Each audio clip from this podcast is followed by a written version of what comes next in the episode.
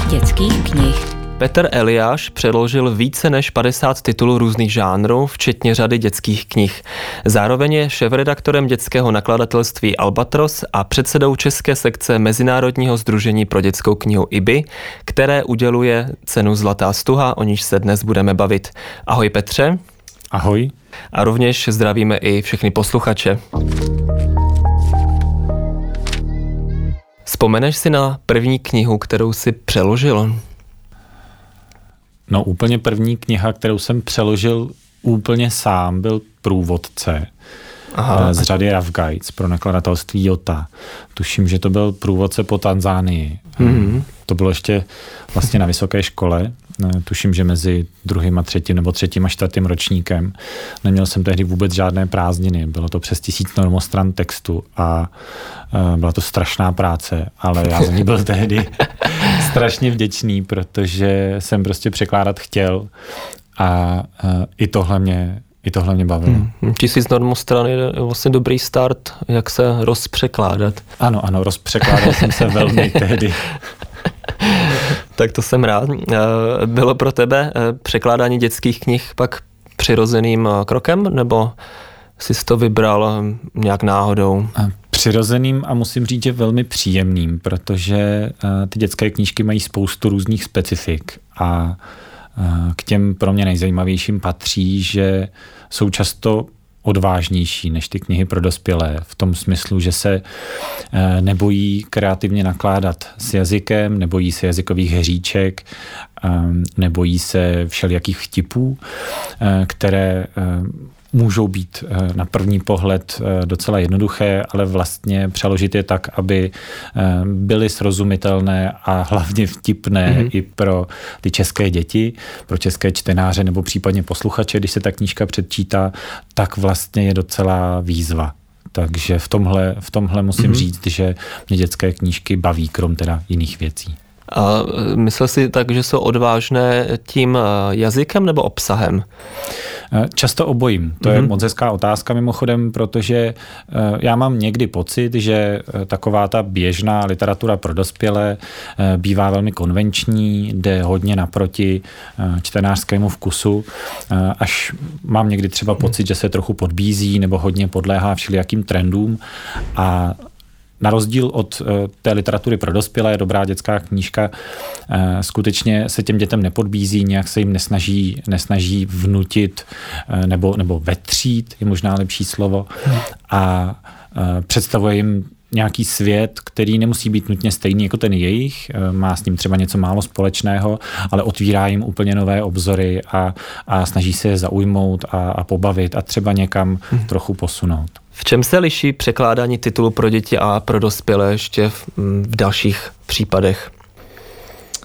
No, když teda nechám stranou, že ty knížky pro děti bývají Eh, často kratší, mm-hmm. což nemusí to být vždycky, Fakt. což nemusí být vždycky výhoda, protože mm-hmm. kdo někdy psal nebo nějakým způsobem nakládal s krátkým textem, tak ví, že to vlastně je často složitější práce než s nějakým delším textem, kde je zkrátka víc prostoru. A nemůžeš tolik škrtat vlastně. Už. Přesně tak, kde je víc prostoru vyjádřit myšlenky a, a poradit si se vším, s čím je potřeba si poradit. Na tom omezeném prostoru skutečně, když to trochu přeženu nebo nadnesu, tak záleží na každém slově eh, nebo minimálně na každé větě. Takže v tomhle je to často zase e, taková výzva svým způsobem, ale e, na druhou stranu je potřeba říct, že ve srovnání s románem o čtyřech z těch normostranách je taková dětská obrázková knížka takový vlastně příjemný překladatelský e, bombónek. Mm-hmm. A ještě mi napadá, jestli eh, to samotné překládání je jiné v tom uh, řemesle, nebo to už je pak stejné. Jako prostě máš větu a překládáš ji, nebo musíš třeba dohledávat něco ohledně eh, kontextu, aby to české děti třeba pochopili. Myslím, že ten základ je stejný u dětské i u dospělé literatury, ty základní procesy a ten způsob uvažování. Um, možná překladatel u těch dětských knížek musí trochu víc na toho svého čtenáře myslet a trochu víc mu jít naproti. U dospělých přece jenom můžeme předpokládat, že tam je třeba určitá znalost prostředí nebo reálí. U těch dětí nejenom, že tahle ta znalost často chybí, což třeba nebývá případ televizních seriálů nebo všelijakých fikčních světů, které jsou rozvinuté a děti je velmi dobře znají a používají běžně původní jména postav a podobně. ano tak eh, je potřeba myslet na to, že nejenom, že ten svět třeba tak dobře neznají, ale eh, že by se ve světě té knihy měli snadno zorientovat a měli by se v něm snadno najít a s těmi postavami se pokud možno snadno stotožnit, protože jim toto čtení usnadňuje. Takže eh, v dětských knížkách oproti těm dospělým je například běžné překládat jména aby ten text nezněl cize zbytečně, hmm. abychom neměli problém se skloňováním, aby zkrátka při čtení tyhle věci nerušily. Často tam jména bývají mimochodem mluvící, což je další důvod, proč eh, je překládat. Je v nich eh, nějaký význam, který, o který není dobré ty děti eh, ochudit, hmm. takže je potřeba i s těmi jmény a s dalšími věcmi, třeba s reáliemi nějak naložit, ale platí úplně stejně jako u textů pro dospělé určitá opatrnost nebo, nebo obezřetnost spíš, tak aby abychom nepřekládali nebo nepřibližovali některé věci zbytečně, mm-hmm. protože zase není potřeba uh, myslet si o těch dětech, že nevědí vůbec nic a vůbec ničemu nerozumí a uh, čekejme od nich uh, tedy určitou úroveň čtenářskou, ale myslíme na to, že některé věci nemusí mm-hmm. znát a nebo jim mohou připadat zbytečně cizí. S, s těmi jmény, tak to mě napadá jeden příklad za všechny a to je asi Harry Potter, kde se jména překládala snad všechna. Všechna ne. Aha. Myslím, že většina, nemám to spočítané, ale myslím si, že většina, mhm. ale e, třeba Harry Potter a to překladatelské řešení ukazuje, že není potřeba překládat všechna jména. E, Harry Potter taky je vlastně pro trochu starší čtenáře, zhruba od těch devíti let a postupně se vlastně ta hranice, dá se říct, zvyšuje. E, takže tam ty devíti, desetileté mm-hmm. děti už si s uh, anglickými jmény poradí, takže Harry Potter může zůstat Harry Potterem. No, no právě, být já jsem řekl špatně, myslel jsem takový ty mluvící jména, tak. Jindra, ale ta mluvící mm-hmm. jména, myslím si, že naprostá většina jich je, mm-hmm. je přeložená. Takže Jindra, jak by to bylo dál? Jindra Hrnčíř zřejmě. to, byl. to by bylo určitě zajímavé. tak, um, jak dlouho sleduješ tu zemskou scénu dětské literatury? Já se musím přiznat, že systematicky až od chvíle, kdy jsem nastoupil do nakladatelství Albatros, což je nějakých deset let. I to je docela dost. A dokázal bys říct, jak se za tu dobu proměnila tato scéna?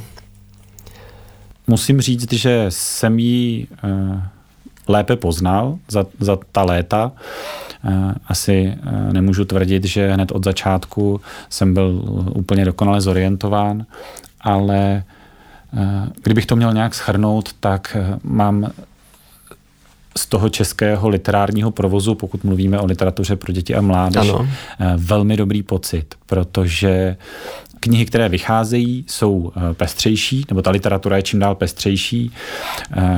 Můžu říct, že se směle rovná jakékoliv jiné zahraniční literatuře a dokonce můžu říct, že se směle rovná výběru z ze zahraniční literatury. Kdybychom si prošli třeba veletr v Boloni a ze všech stánků, které tam jsou, vybrali to nejlepší, tak eh, ty české knihy, které jsou na tom českém stánku, nebo bychom je eh, přivezli třeba sebou, tak eh, těm světovým konkurují velmi, velmi dobře pořád eh, je tu určitá potřeba samozřejmě přinášet eh, impulzy a tituly zvenčí. Eh, vychází spousta překladových titulů, protože by bylo nemoudré rezignovat zkrátka na obohacování té naší literatury zahraniční produkcí ale vedle toho eh, vycházejí skvělé původní tituly eh, a to skvělé jak po výtvarné stránce, tak po té stránce textové, tak po stránce grafického a musím říct, že i redakčního zpracování, protože to je třeba pro mě strašně důležitá věc. Jsou to tituly, které nejenom, že dobře vypadají a mají určitou uměleckou hodnotu výtvarnou i literární, ale především eh, baví děti rodiče si mohou vybrat z, té, z toho nepřebraného množství takřka cokoliv podle svého vkusu, podle toho, co chtějí dávat svým dětem a podle toho, co jejich děti baví a nemají přitom vůbec žádný problém. Myslím mm-hmm. si, že, že v podstatě nemůže vzniknout nějaká nouze, protože nejenom, že těch titulů vychází hodně, zhruba kolem dvou tisíc ročně, ale velká část z nich eh, je skutečně velmi, velmi kvalitních. Teď teda odbočím, ale uh, opakovaně se setkávám s tím, že právě uh, lidé říkají, že těch knih je nepřeberné množství, pro dě- nebo nejen pro děti, ale všeobecně česká produkce je uh, plodná. Tak není to, nebo nedá se to nějak vyřešit, nebo je to teda tak špatně, že tady kolem dvou tisíc knih pro děti, nebo naopak bychom se to měli nějak omezit a třeba vydávat, já nevím, 60 knih, kolik lidí účtou za rok, nebo hmm. vlastně to zní velice negativně, ale zároveň přemýšlím, jestli to třeba je v něčem i dobré. Já myslím, že to má svoje dobré i špatné stránky. Já nejsem přítelem jakéhokoliv omezování eh, z pozice nějaké autority. Eh, je určitě jasné, že z těch dvou tisíc titulů poměrně velká část eh, by třeba ani vít nemusela. Jsou to mm-hmm. zkrátka knihy, které jsou velmi spotřební, komerční, řekněme. Nejsou to knihy, kterými by se někdo chlubil, kdokoliv z těch nakladatelů to, že takové knihy vycházejí, má jiný účel, než, než je eh, nějaká trvalejší hodnota a jistě by se bez nich spousta čtenářů obešla. Na druhou stranu mm-hmm. Někdo by mohl říct, že je vždycky lepší číst aspoň něco. Pro mě je tahle, eh, tahle věta taky poněkud problematická, protože nemyslím, že to platí vždy, ale i taková knížka, která, dejme tomu, nemá až takovou výtvarnou nebo uměleckou obecně hodnotu, může potěšit, může eh, přitáhnout dítě ke čtení. Jo? Mm-hmm.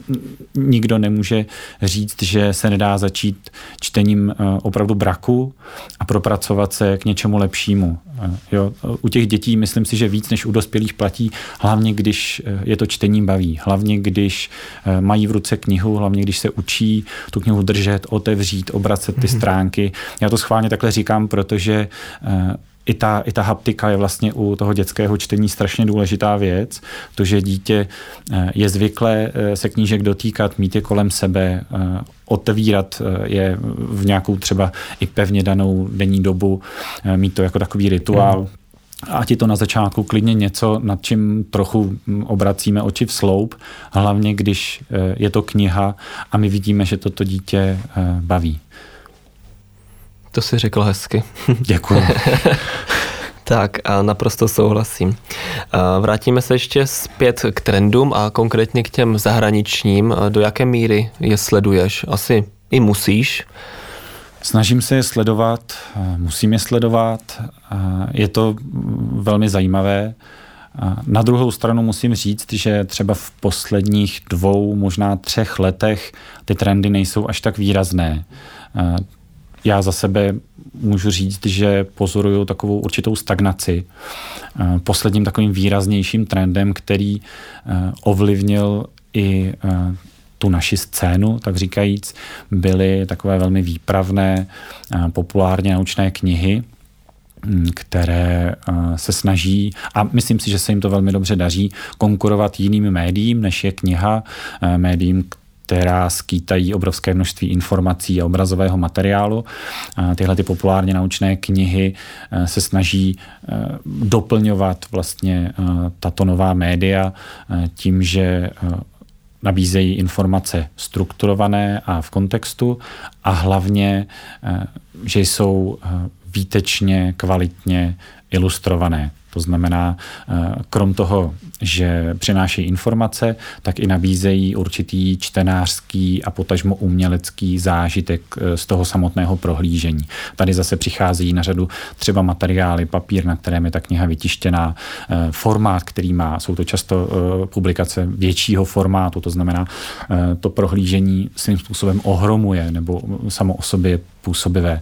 Takže to byl takový poslední výraznější trend a jinak eh, myslím, že eh, literatura pro děti a mládež se hodně snaží eh, reagovat na společenskou situaci, na trendy ve společnosti, na to, o čem se mluví, o čem si autoři nebo nakladatelé myslí, že by děti se měly dozvídat a měly by o tom přemýšlet, takže um, autoři se snaží do knih vpravovat všelijaká společenská témata um, různého druhu, ale to není nic nového, to je něco, co um, například v anglosaské dětské literatuře pozorujeme už, už mnoho let, respektive já od té doby, co mhm. jsem se jí začal víc zabývat, takže to není nic nového, mohli bychom eh, identifikovat ta nová témata, ale, ale to zkrátka kopíruje dá se říct, společenskou debatu, eh, ekologie, eh, LGBTQ+, a, a tak dál. To jsou vlastně témata, o kterých mluví všichni a eh, autoři je začlenují i do knížek pro děti a mládež.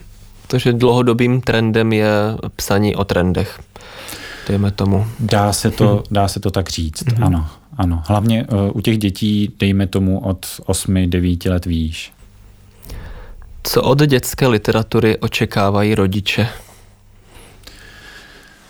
To bychom se asi měli zeptat rodičů. No. Tak uh, i ty Myslím, jsi rodič? Že, já jsem rodič. Co očekáváš od knih?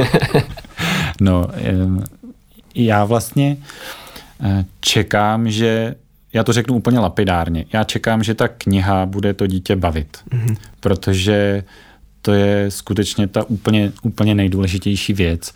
Když eh, ta knížka nezaujme, když si k ní to dítě vztah nevytvoří, tak ji zkrátka odloží a žádným způsobem ho nedonutíte, aby eh, tu knihu četlo jo, nebo nějakým způsobem eh, vnímalo.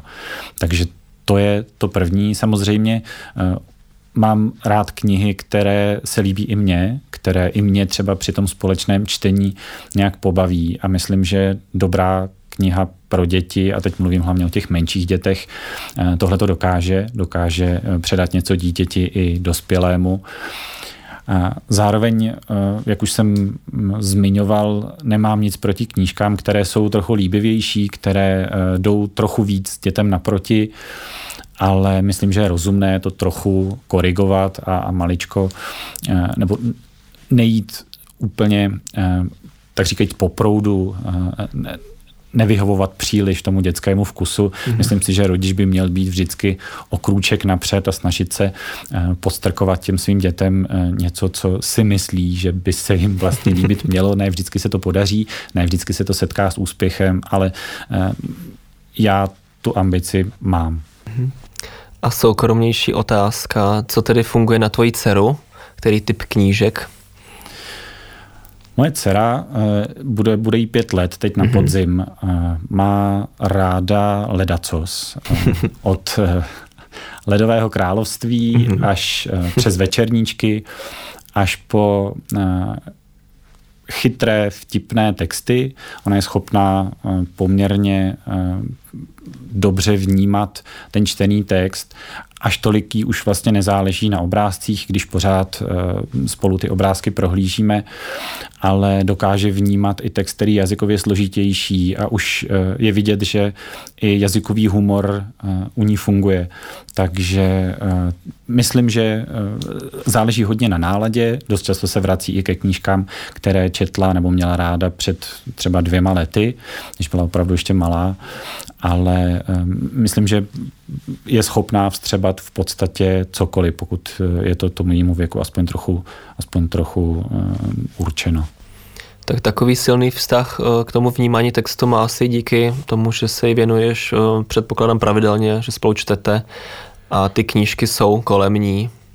Mm. Je to tak? Chtěl bych si myslet, že to je tím, že se jí pravidelně večer čte a že má knihy kolem sebe, mm-hmm. Ale zase ze svého okolí vím, že takováhle věc, nebo ten vztah, že není na pořád a že to není věc, která je zaručená, i když se jednou vytvoří.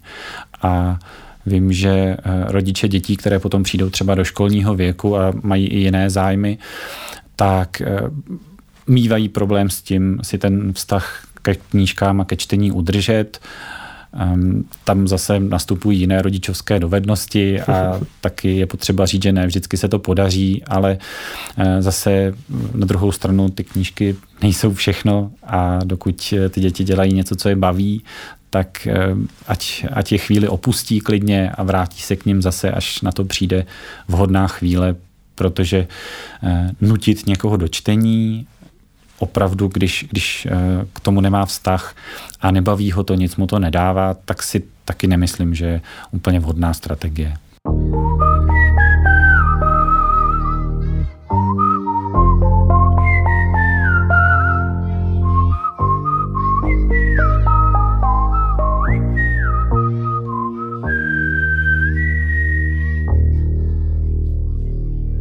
nyní už o výroční ceně Zlatá stuha, o níž krátce v jednom z předešlých dílů Meandru mluvila Jana Čeňková. E, budu rád, když nám o ní řekneš víc, tedy o Zlaté stuze, ne o Janě Čeňkové.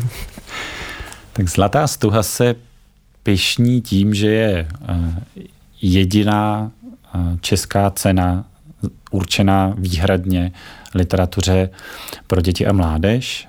Letos probíhá už 29. ročník, to znamená příští rok oslavíme kulaté 30. výročí. Myslím, že se dá říct, že je to cena s tradicí a nejenom to. Je to cena, která si klade za cíl nejenom tedy vybrat to nejlepší z produkce za předešlý rok, ale především to nejlepší, eh, co vyšlo v tom uplynulém roce, eh, doporučit. Eh, nějakým způsobem na to upozornit, protože my jsme si vědomi toho, že literatura pro děti a mládež nemá tu pozici úplně jednoduchou v médiích, tak dále, nevycházejí pravidelně recenze, Teď mluvím tedy o etablovaných médiích celostátních, nemluvím o blozích a, a podobných kanálech, kterých je spousta a fungují skvěle, ale ten jejich dosah není takový jako dosah těch celostátních médií. A právě protože má ta dětská literatura takhle složitou pozici, tak myslím si, že eh, každý každá takováhle, eh, každý způsob propagace jí zkrátka může, může nějak pomoct. Takže velkým úkolem Zlaté stuhy je eh, propagovat dobrou literaturu pro děti a mládež, vedle toho, že tedy oceňuje ty nejlepší autory. Jak vůbec se knihy dostanou do užšího výběru uh, Zlaté stuhy. Přeci jen, jak jsme zmiňovali víckrát, těch knih je opravdu hodně. Uh, opravdu porota nebo poroty vybírají ze všech těch knih, co výjdou. Částečně je to pravda. Nakladatelé vždycky v určitém termínu uh, by měli svoje vybrané knihy přihlásit do soutěže a zaslat nám je k posouzení, respektive porotě k posouzení, protože ehm, ty knihy posuzují poroty nezávislé na, na tom, kdo Zlatou stuhu organizuje, ale poroty mají zároveň možnost si eh, vedle toho, co přišlo, což bývá zhruba 150-160 titulů každý rok, není to málo, eh, vybrat z té produkce co třeba uteklo, co nakladatelé mm-hmm. nenominovali, nebo uh, někomu se může stát, že třeba špatně vyhodnotí, které knihy přihlásit, nebo to úplně uteče ten rok, ta přihláška. Takže porodci by měli sledovat, co vychází a, a mají možnost si dožádat od nakladatelů uh, knihy, které třeba do soutěže přihlášeny nebyly. Takže v podstatě mají na výběr úplně ze všeho, co ten rok vyšlo a záleží to jenom na nich. Z těch zhruba 160 titulů, které nám přijdou. Máme vlastně čtyři poroty, protože eh, se posuzuje ve čtyřech částech eh, literární, výtvarné, překladové a komiksové. Každá porota eh, ty knihy posoudí, některé tituly se nám objevují samozřejmě ve více kategoriích, typicky v té literární a výtvarné a z toho potom vyberou nominace. Důležité je říct, že pro nás jako organizátory vlastně už ty samotné nominace jsou eh, takovým reprezentativním výběrem, průřezem toho nejlepšího, co vyšlo. Eh, my jsme se vždycky snažili už ty nominované tituly eh, nějakým způsobem propagovat. Děláme to tak, že na webu www.zlatá stuha k ním průběžně doplňujeme medailonky autorů, informace o těch titulech, tak aby když nic jiného, tak ty webové stránky sloužily jako, jako eh, určitý zdroj informací eh, protože máme za to, že už ty nominované tituly jsou eh, skvělé a všechny bez výjimky stojí za, za doporučení. No a z těch nominací potom poroty vyberou vítěze a my předáme zlaté stuhy těm, těm vybraným autorům. Mm-hmm. Líbí se mi, že poroty Zlaté stojí oceňují nejen literární, ale i výtvarnou část, ale asi se nestává, že by byly nominované knihy, které by byly kvalitní jenom z té jedné části. Myslím, buď dobrá literárně, ale ne až tolik výtvarně, nebo opačně. Hmm, stává se to možná překvapivě často. Mm-hmm. Uh, ony ty ceny mají jednu takovou nemilou vlastnost, že vlastně musí vybrat jenom to nejlepší. Mm-hmm. Uh, často se stává a bývá to problém, je to teda relativně příjemný problém pro porodce, ta opačná situace by byla horší, že těch titulů, které by si zasloužili ocenění, je víc, než kolik se ocenit zkrátka dá. Takže je potřeba vybrat skutečně to nejlepší podle eh, kritérií vždycky té dané poroty, tak jak eh, to vyplyne ze situace eh, a ze složení poroty. A myslím, že je úplně normální, že knížka, která dohromady je dobrá, nebo třeba výborná, tak eh, zaujme porotu jenom třeba v té výtvarné části, kdežto v té literární musí mm. porota dát přednost eh, třeba jiné knize, která textově eh, vyniká víc, ale Naopak se poměrně často stává, že knihy zaujmou porotu v té mhm. literární mm. i v té výtvarné oblasti třeba. Kdyby tedy přišla kniha, která je úžasná výtvarně, ale literárně zkrátka, nevím, se tam objevují gramatické chyby nebo je to nějaký podbízivý text, tak eh, má smoulo nebo by teoreticky mohla vyhrát v té výtvarné části? Může vyhrát, mm-hmm. určitě, protože ty poroty navzájem spolu nekonzultují. Ehm, a my se snažíme o maximální nezávislost, přestože vždycky to je tak, že eh, když ty poroty vybíráme, tak jsou to lidé, kteří se, kteří se v tom provozu nějak pohybují, takže eh, je tam menší či větší zájem, ale my se snažíme tomu střetu zájmu vyhýbat pokud možno co nejvíc. A k tomu patří i to, že nikdo do rozhodování porod nějak nevstupuje, takže pokud se stane, že ta kniha eh, má skutečně povedené ilustrace, které si zaslouží ocenit, tak porota výtvarná mm, ocení eh, ty ilustrace a na text vlastně v tu chvíli nikdo, nikdo nehledí. Jaký typ eh, osobností tvoří poroty? Koho tam můžeme najít? Nemusíš jmenovat, ale jenom hmm. typově. Jsou to profesionálové z oboru, to znamená často autoři, ať už teda literáti nebo výtvarníci. Eh, míváme tam vždycky eh, zástupce odborné veřejnosti, dejme tomu, to znamená eh, knihovníky nebo knihovnice. Snažíme se, aby tam vždycky byl nějaký pedagog nebo pedagožka, protože nám skutečně jde o tu praktickou funkci.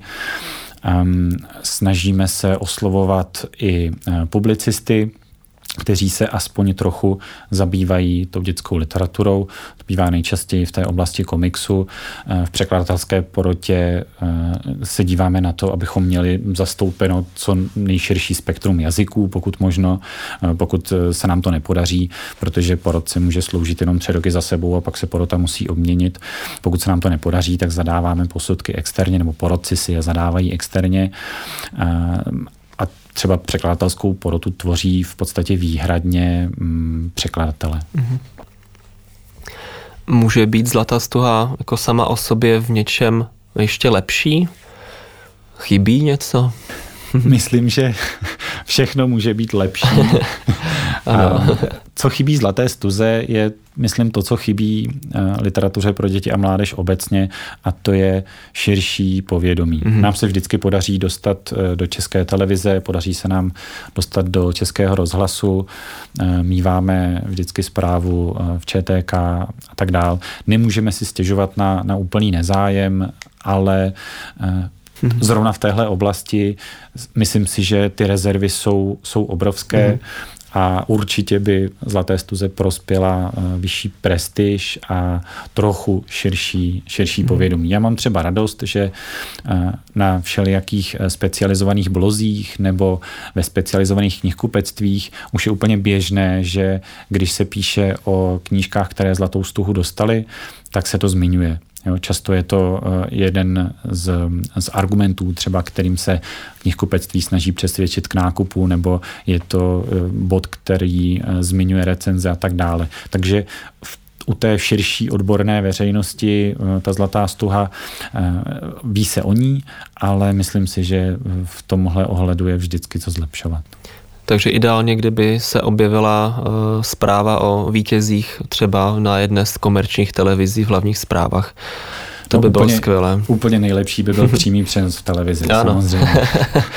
tak pokud nás někdo z soukromých televizí poslouchá, máme pro vás tip. Tak a my se posuneme dál. Zajímalo by mě, v čem je odlišná Zlatá stuha od litery za knihu pro děti a mládež? Nebo jsou si podobné? Myslím, že jsou si v čem podobné. Um, určitá nevýhoda té kategorie v rámci magnézie litery je, že tam je ten prostor obrovsky omezený. Mm, porota má možnost vybrat, eh, tuším, tři tituly mm-hmm. do nominací a jeden z nich potom ocenit magnézí literou a tamto rozhodování je velmi komplexní vybrat tři tituly z té dvoutisícové produkce a přitom zvážit pečlivě všechny možné faktory, včetně toho, že třeba by měla ta cena přispět k popularizaci autora nebo knihy, měla by nějakým způsobem pomoct, tak je nesmírně náročné.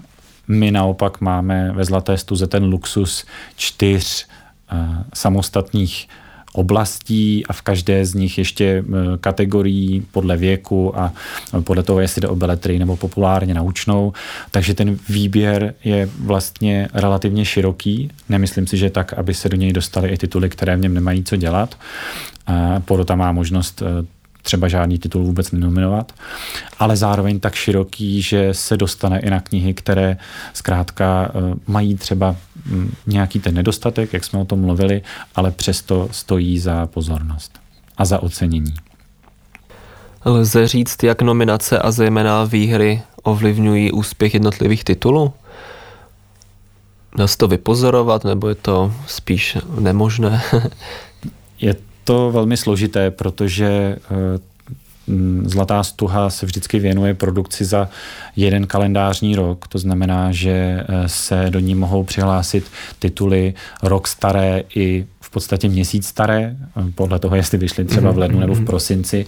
Takže některé už svoje místo na tom trhu mají, některé vůbec a vysledovat, nakolik se prodeje mm, změnily po tom, co jsme vyhlásili zlatou, zlaté stuhy, je velmi složité, někdy, myslím, skoro nemožné. To by se muselo velmi pečlivě sledovat. My ta data nemáme a myslíme si, že, a je to vlastně naše ambice, že Zlatá stuha pomáhá těm knížkám u té odborné veřejnosti.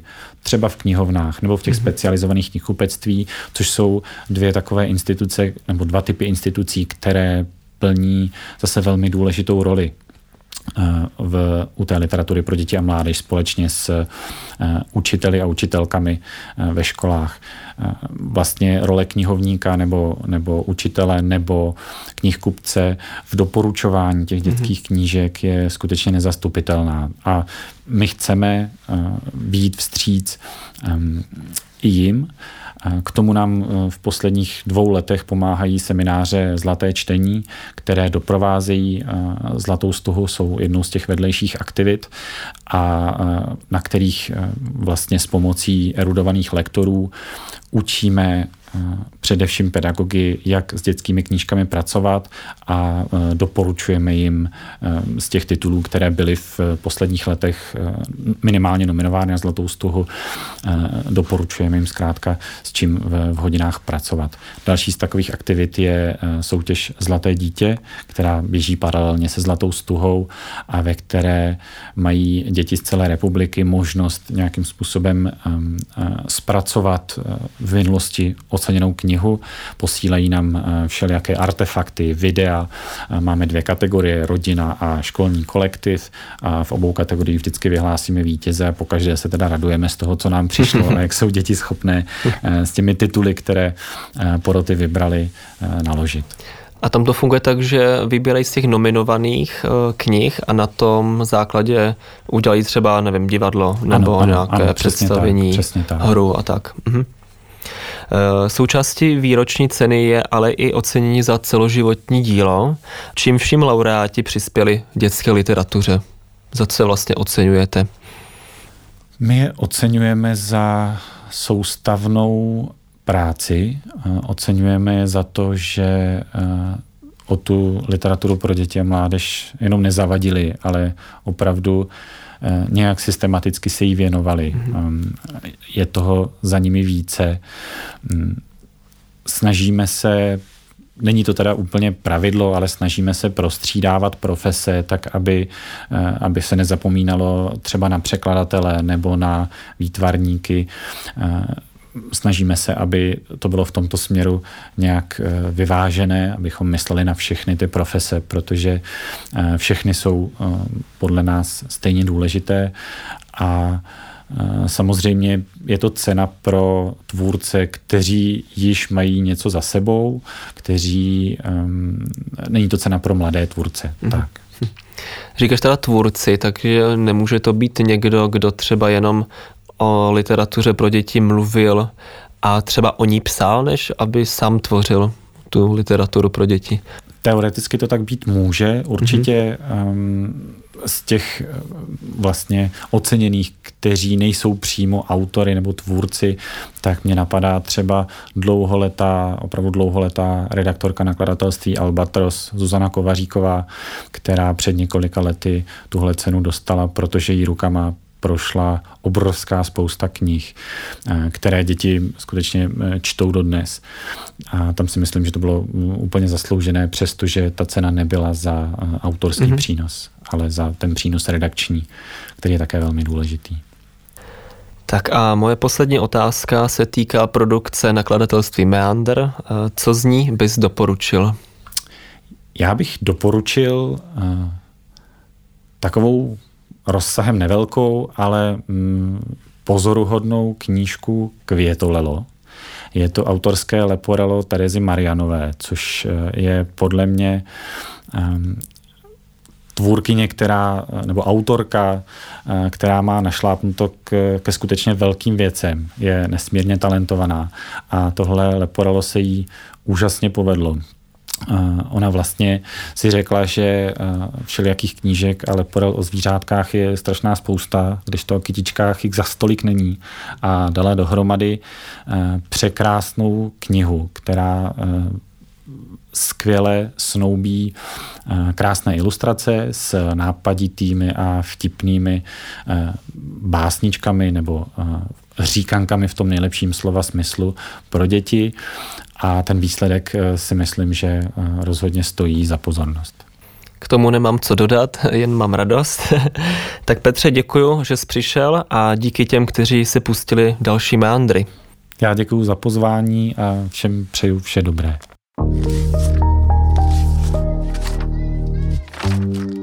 Meandry dětské literatury. Podcast nakladatelství Meandr. Sledujte nás na Facebooku a Instagramu.